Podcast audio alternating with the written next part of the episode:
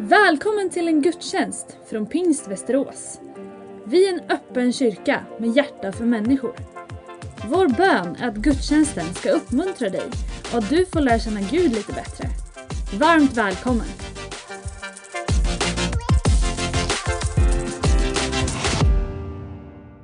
God förmiddag ännu en gång. Så är det också härligt att se er alla. Och välkomna att stå upp när vi läser dagens bibeltext. Vi är mitt uppe i en eh, gudstjänstserie som heter Löftet gäller dig. Och den där strofen kommer från pingstdagens händelse när anden blev given över lärjungarna och det blev till nytta för alla som vill ta emot. Så fanns det en dialog mellan Petrus och Jerusalemsborna där, där de frågar honom olika saker och så säger han några saker som svar och det avslutas med att de ska få den helige ande som gåva. Och när han har sagt detta om gåvan så säger han också, det löftet gäller er, det gäller era barn, det gäller alla de som är långt borta, ja så många som Herren vår Gud kallar på. Därav strofen löftet gäller dig, det är från Apostlagärningarna 2 där, i avslutningen, i vers 38-39 där någonstans.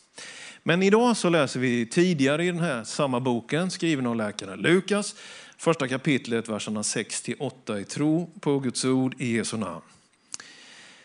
När de nu var samlade frågade de honom, Herre, är tiden nu inne då du ska återupprätta riket åt Israel? Han svarade dem, det är inte er sak att veta vilka tider eller stunder som Fadern i sin makt har bestämt. Men när den helige ande kommer över er ska ni få kraft och bli mina vittnen i Jerusalem, i hela Judeen och Samarien och ända till jordens yttersta gräns.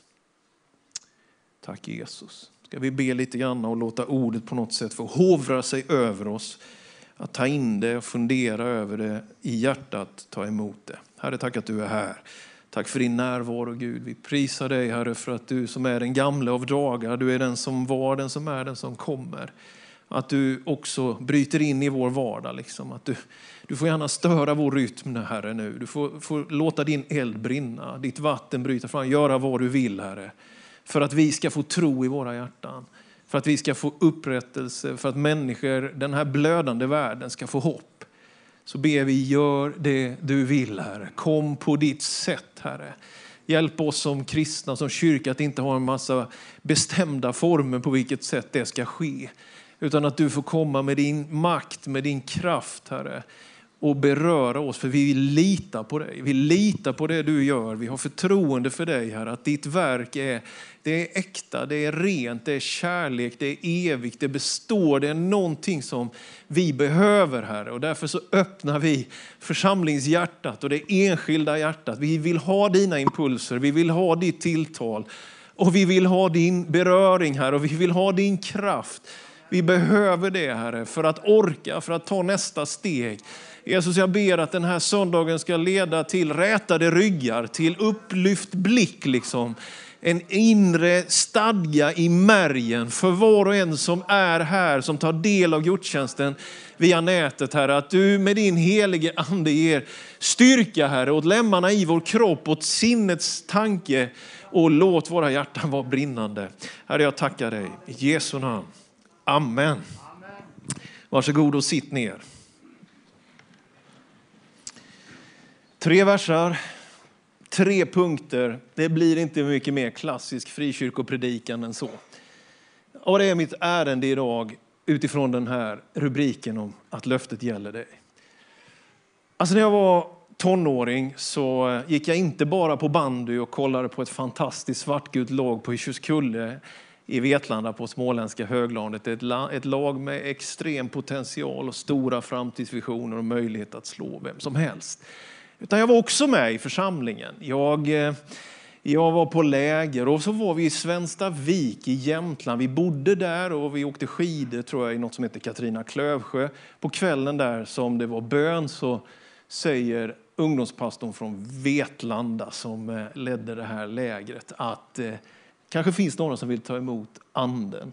Och jag var en av dem. Jag var 15 år gammal då. körde moppe, Crescent E-typ med, med, med, med, limpa bak. Den kallas illvarvet, min moppe. Den varvade nämligen mycket mer än vad det kom ut på hjulen kan man säga. Den gick väldigt sakta för ett sånt varv alltså. Något fel på själva överföringen där. Så mitt i allt det där som var mitt tonårsliv, idrott, kanske lite tjejer, eh, moppen, allt det där, så tog ändå Gud tag i mig och gav mig den helige Andes gåva. En kväll i Svenstavik blev jag andedöpt. Jag visste inte då att det skulle föra in mig i det som är också vår rörelse. Jag hade ingen teologi för det, jag har lite grann av det nu, men det hade jag inte då. Jag hade inga ord att beskriva det med, men jag gjorde en erfarenhet. En erfarenhet som skulle visa sig vara mycket mer än bara en ögonblicklig happening, någonting känslomässigt, utan det har faktiskt präglat mitt liv. Törs jag säga hur råddigt och fram och tillbaka mitt liv ibland än är, så har jag alltid ändå under allt detta kunnat känna Gud är med, han är trofast, han ger kraft, han hjälper. I slutet av 1940-talet, i den här församlingen, vår byggnad var inte här då, den var en bit ner i backen, så var det ett, tror jag, söndagskvällsmöte. Och det här var några år efter andra världskriget hade slutat. Det var en gästande predikant som predikade från Bibelns sista bok, Uppenbarelsebokens 22 kapitel.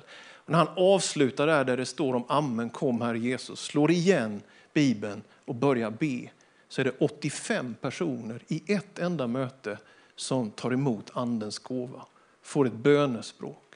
Det sker som en enda stor händelse. Inget som drivs på, inget komma fram. Gud fyllde en stor grupp med sin heliga ande. Han vill göra detta. Han vill hjälpa oss. Och sen är det ibland så mycket låsningar inom oss som gör att vi har så svårt att ta emot, i alla fall jag. Den här texten i Apostlagärningarna 1 tycker jag är en jättebra hjälp, en slags kodnyckel till att förstå sig själv inför Gud, att förstå varför man ska vara med i en församling, till att på något sätt öppna sig för de här andliga verkligheterna. Alltså det finns så mycket misstänksamhet, så mycket misstro, så mycket brist på tillit i Jerusalem bland judarna vid den här tiden. Alltså, jag tror det är Elvis Presley som sjunger, vi kan inte bygga våra framtida drömmar på misstänksamma sinnen. You cannot build your dreams on suspicious minds. Men här var det inget annat än misstänksamhet. Är det något som låser upp ett rum eller utveckling så är det ju brist på tillit. Vad är det här? Vad kommer de göra med mig? Vad blir det av det? När den här dialogen som vi har läst om på det som kallas Kristi himmelsfärdsdag sker, så är det en lärjungagrupp som fast att de har varit med Jesus i över tre år, sett honom stilla stormar, sett honom förmera bröd och fisk, sett honom väcka upp Lazarus i Betania och han själv allra mest återuppstå från döden, så har de ändå väldigt många frågor här. De frågar mästare, är tiden nu inne för dig att du ska återupprätta riket åt Israel? Man kan ju tycka då med den erfarenhet de har och blicken för vem han är och vad han hade förmåga att göra. Han som kunde tala som ingen annan så att hjärtan brann. Så undrar man varför ställer de dessa frågor? Jo, men vi vet ju att de är under ett väldigt betryck ändå. Och de undrar när ska vår dag av frihet komma? Det är den situationen som är efter sekler av förtryck och ockupation.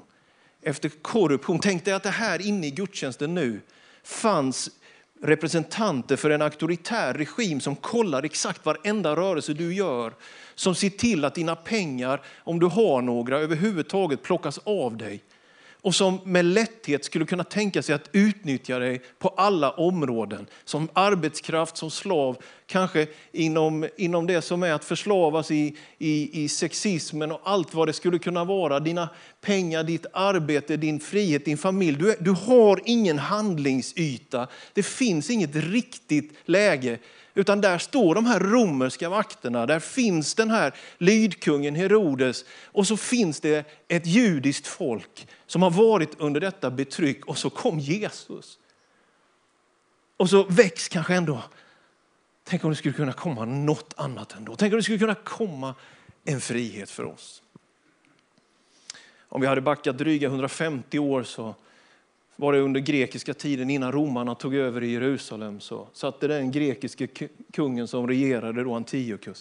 Han satte upp en bild åt Zeus i templet. Zeus i den grekiska mytologin är ju gudarnas kung. Man offrade grisar, fläsk som är orent för judarna. Man vanhelgade helgedomen. Det kallas för den vanhelgande skändligheten.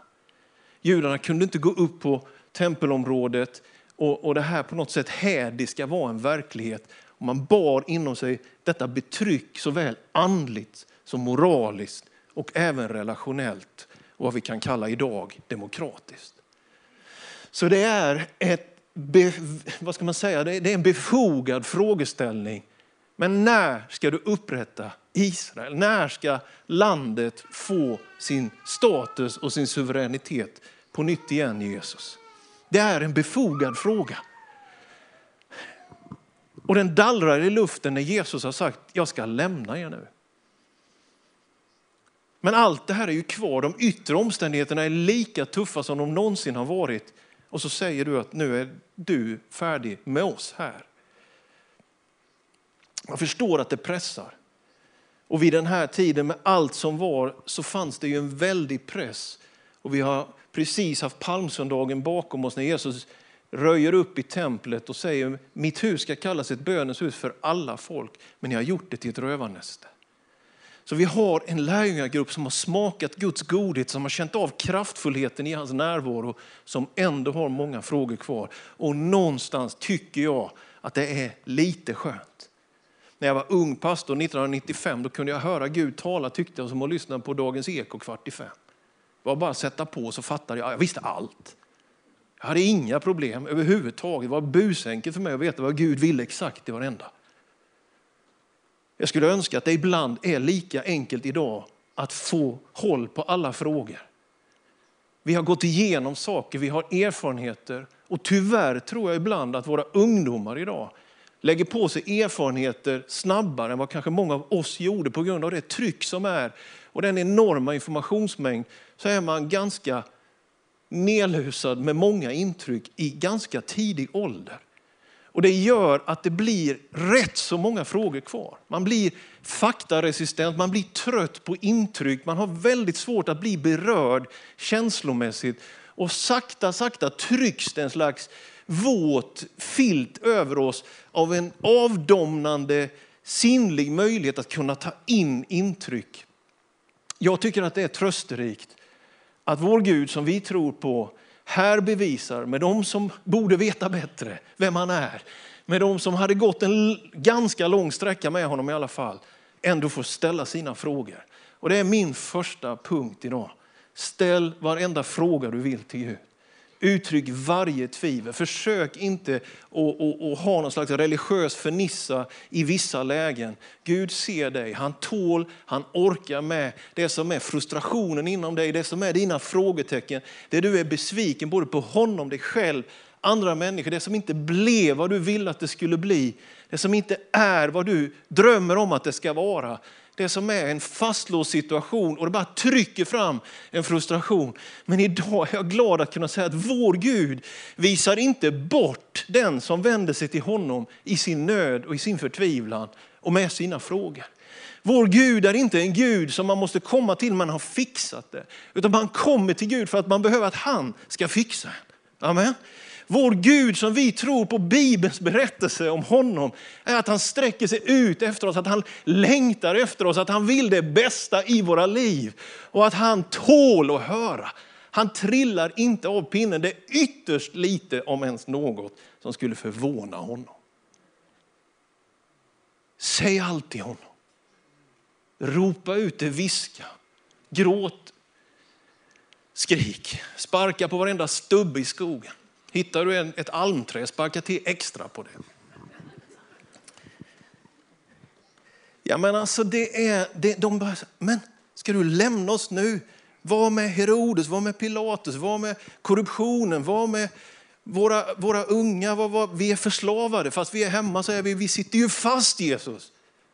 Visst, vet, man kan komma i så här att man blir lite raljant i det här läget. Det är ju jättebra att, att bröd och fisk räcker, men det flyttar ju inte på Pilatus direkt. Det är ju kanonbra att du håller fina predikningar, men vad händer egentligen? Det är ju jättebra va? Och så har du dem där och kan sätta in så att säga, din blues i det, dina problem i det. Det som faktiskt pressar dig, det som fyller tanken. Jag är bara så tacksam att säga att när kyrkans historia ska börja skrivas, för det är det den gör i Apostlagärningarna, så börjar det med frågor. Från de som ska bli byggmaterialet, de som ska bära ut det, de som ska bli stommaterial. Apostlarna, de får ställa sina frågor. Det här är ett tryggt rum, det är ett öppet rum. Det är en Gud som likt barn kommer till sina föräldrar och slår på bröstet och gråter och skriker så gör ju inte barnet det för att de vill slå på sina föräldrar, utan för att de vet vem de ska vända sig till när de är förtvivlade. Det är ju mer den scenen som är här. Och en fadersfamn, ett öppet hjärta, en empati med det som du har. Jag vet inte vad du har bakom dig. Jag vet inte vad du liksom placerar in det här i ditt liv. Men jag kan respektera och tro att vi alla har en berättelse om obesvarade frågor, obesvarade böner, besvikelser inom livets olika områden. Men vår Gud tål vår frustration. När de nu var samlade frågade de honom, här är tiden nu inne då du ska återupprätta riket. Alla frågor är tillåtna. Men då får de också ett svar. Det är inte er sak att veta vilka tider eller stunder som Fadern i sin makt har bestämt. Då inträffar ju ett skifte här.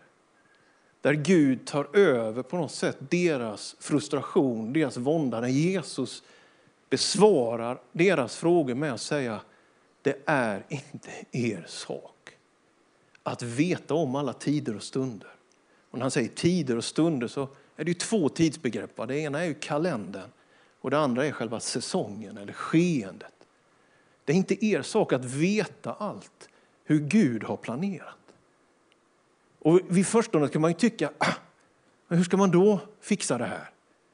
Man vill veta, men å andra sidan om vi sätter in det i vårt sammanhang, tänk om du visste vilken dag du ska dö, vilket klockslag. Så skulle det skapa en fruktansvärd press och, och någonting vi faktiskt inte vill veta. Det finns vissa saker i livet där människan när kvällen kommer mår allra bäst av att faktiskt inte behöva kontrollera allt utan har fått lagt det i Guds hand. Att få lita på att jag fattar inte, han förstår. Jag är svag, han är stark. Jag är förvirrad, han är visdomens källa. Det finns en väldig vila i detta.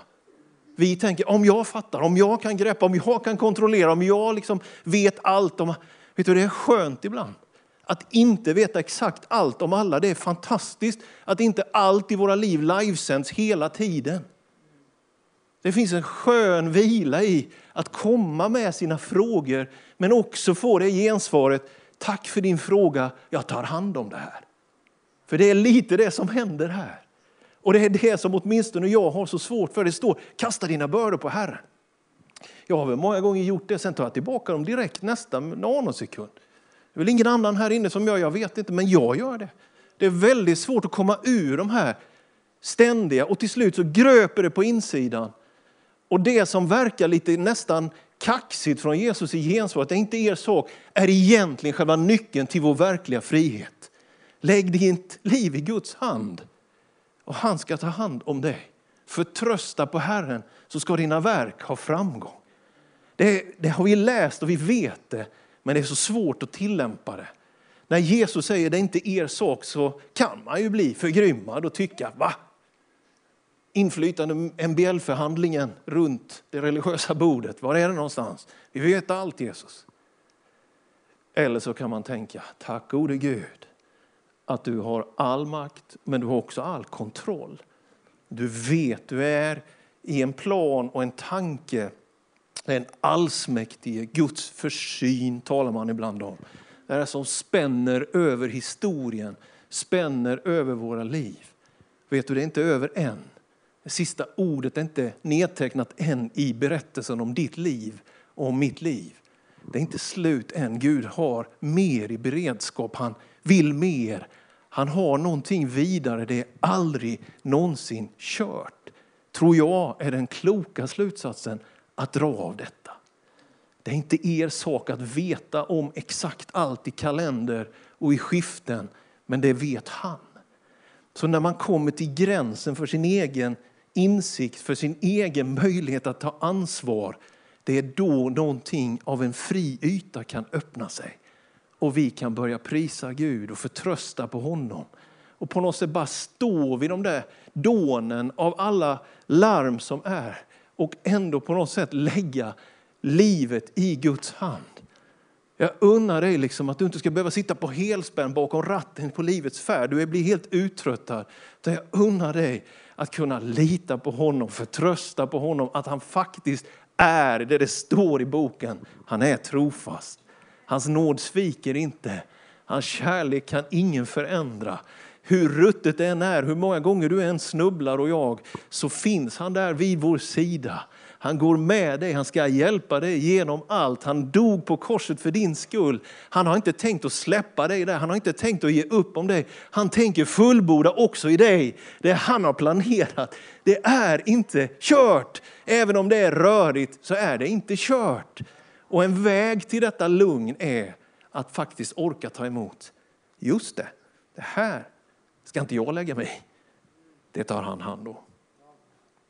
Jag tror att det här är supersvårt. Inte på pappret och inte att formulera, men att tillämpa. Det är någonting så vackert över detta att Fadern har bestämt tider och stunder. Han har gjort det i sin makt.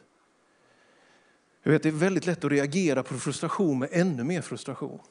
Men Guds agerande sker aldrig utifrån senaste headlinen, senaste liksom händelsen i våra liv. Utan Gud agerar utifrån sin makt.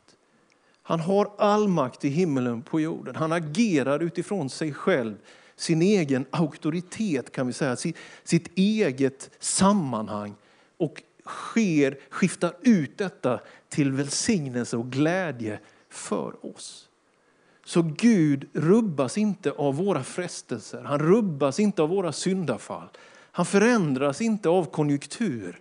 Han är den gamle av dagar som det står. Han är den som var, den som är och den som kommer. Bibeln berättar i Hebreerbrevet, Jesus Kristus är densamme. Igår, idag och i evighet. Amen. Så om jag säger en tes här nu och ni svarar amen på det, det blir inga konstigheter, så, så blir det att öva sig och påminna sig om detta. Så jag bara säger en sak här och sen får ni säga amen om ni vill. Gud är god och hans nåd varar för alltid. Jesus Kristus lever idag. Guds kärlek kan aldrig svika mig. Amen. Det är verkligheten. Det är den statusuppdateringen som boken ger. Och jag behöver det här. Jag vet, ibland är det ibland är det om man tror på, på mycket i kristendomen. Det känns nästan som om det beror på om man har ätit eller inte, blodsockernivån eller vad någon la huvudet åt något. Alltså vi är väldigt, tror jag, beroende av de här och så då få hämta hem liksom. Det här är sant. Det här står fast. Gud rubbas inte. Hans makt är hämtad ur hans egen källa. Den är helt oberoende av konjunktur. Så det är inte er sak. Och så då kommer den här tredje versen. Om den första punkten var ställ alla dina frågor så är ju den andra att våga liksom lita på att Gud har allt i sin hand. Och så kommer det tredje då som är nyckeln till boken som leder oss upp emot pingsten och att löftet gäller och att det gäller idag. När han säger, men ni ska få kraft när den helige ande kommer över er.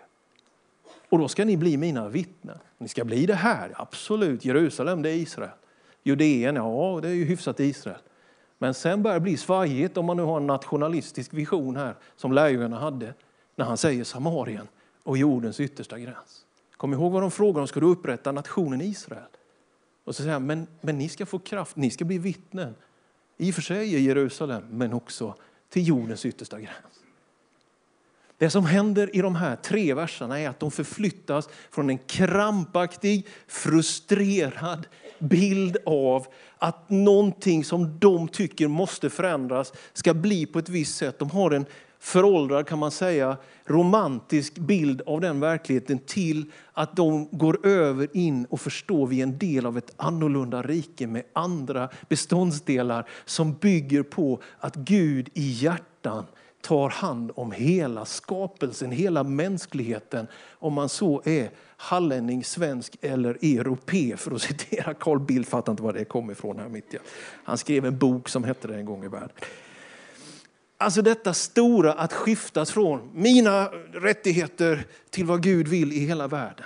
Att vi ska få vårt till det att Gud vill förvandla alla. Att på något sätt förlora sig i detta att släppa taget och ändå ta emot kraft för att vara ett vittne. Det är ju, ett, det är ju en så annorlunda livsstil. Va?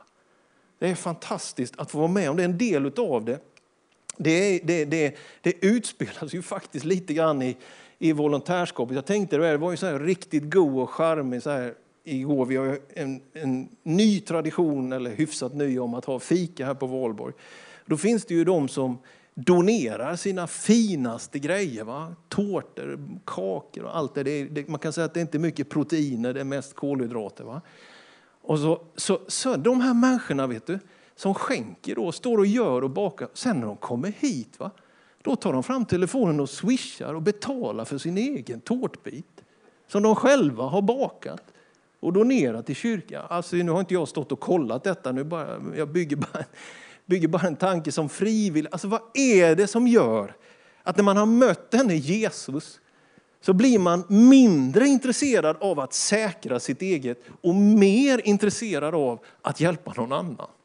Vad är det som gör att, att den här myllan på något sätt, det finns andra generösa miljöer, det är, inte, inte det jag säger att det bara är i kyrkan. Men det finns någonting speciellt över den kristna gemenskapen som gör att det börjar flöda det börjar leva. Och det jag tror att det är det som gör att om du bara kommer hit för att få så kommer du alltid tycka det är lite halvbra här i kyrkan. Om du bara kommer hit för liksom att tycka och liksom konsumera någon form av andlighet så kommer du aldrig att känna dig tillfredsställd. Utan det är när det här flödet börjar komma där du också är med och ger ut av det du har fått som någonting annat händer. Så när den helige ande kommer över er ska ni få kraft och detta är väl min bön för att gå ner lite grann för landning i den här predikan. Vi behöver återupptäcka det kraftfulla i kristendomen. Vi behöver ropa till Gud att han ska sträcka ut sin hand och göra tecken och under. Att mirakler får ske. Att människor får bli uppfyllda av det som är liksom oemotsägligt. Det här är Gud. Det här är inte människor, det här är inte filosofier, det här är inte vad någon vill utan det här är Herrens närvaro bland sitt folk, det kraftfulla i kristendom. Jag är rätt så bekymrad ibland över både mitt eget liv och kristenheten i Sverige, att vi har allt för lätt att inte liksom räkna med Gud, utan förlita oss på mänsklig kapacitet och förmåga. Men vi behöver hans ingripande, vi behöver hans kraft.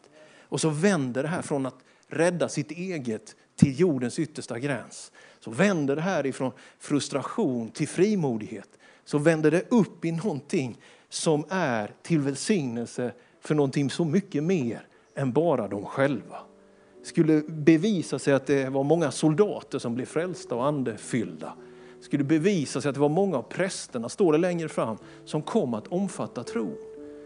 De gick ifrån att vara korrupta präster till att vara frimodiga Jesusbärare i sina liv. Så mycket av det här som lärjungarna längtar efter, det händer ju faktiskt.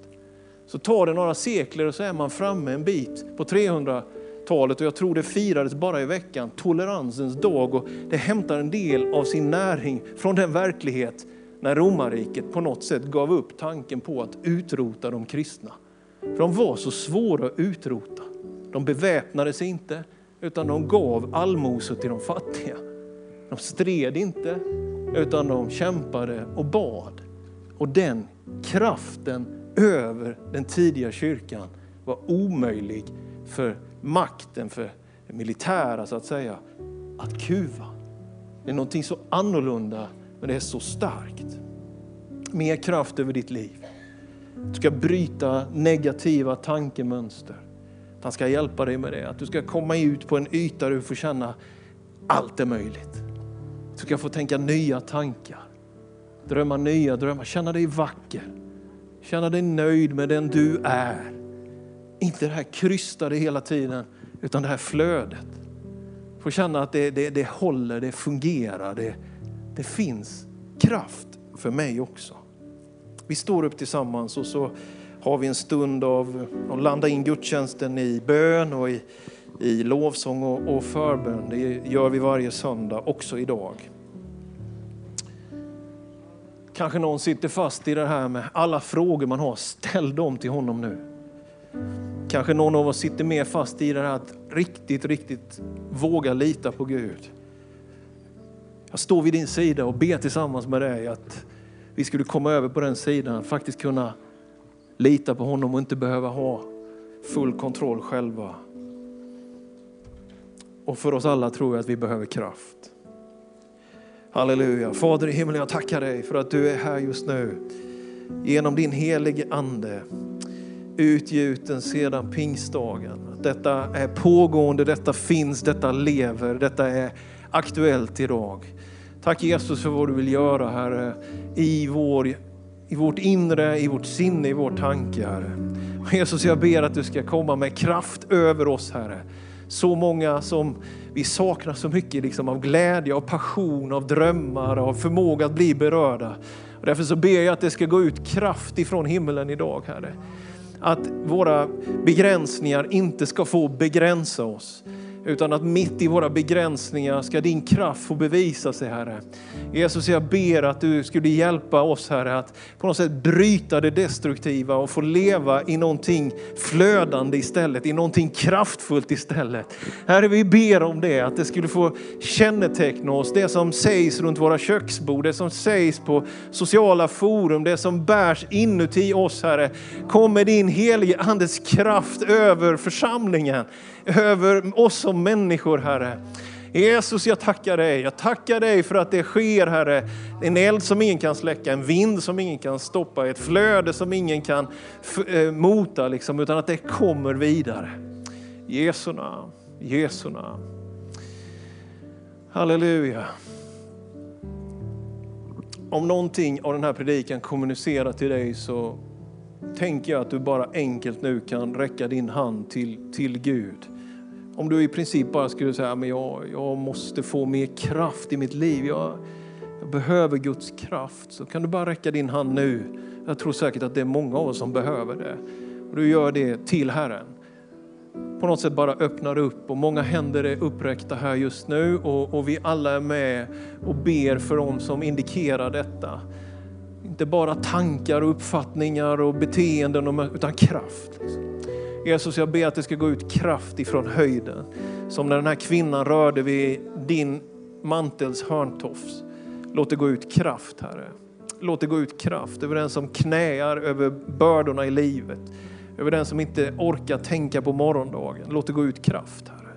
Fyll oss med din heliga Ande, att vi kan vara vittnen, att vi kan berätta någonting positivt om dig, om livet att kunna leva ut det Herre. Jag tackar dig för att jag får tro dig om att det går ut kraft ifrån höjden. I Jesu namn. Halleluja. Halleluja, halleluja. Hörrni, vi är i lovsången och vi är i möjlighet också att ta emot personlig förbön med handpåläggning. Det, det erbjuder vi alltid. Då går man ner här och till, till, höger, till höger här på, på planet här nere så finns det människor som tar hand om dig och ber med dig. Gud välsigne dig. Du har lyssnat på en gudstjänst från Pingst Västerås. Har du frågor om församlingen eller vill veta mer om kristen tro kan du gå in på vår hemsida, vasteras.pingst.se. Varje söndag firar vi gudstjänst tillsammans klockan 10.30. Välkommen att vara med via webben. Sök efter vår Youtube-kanal, Pingst Västerås, så hittar du livesändningen.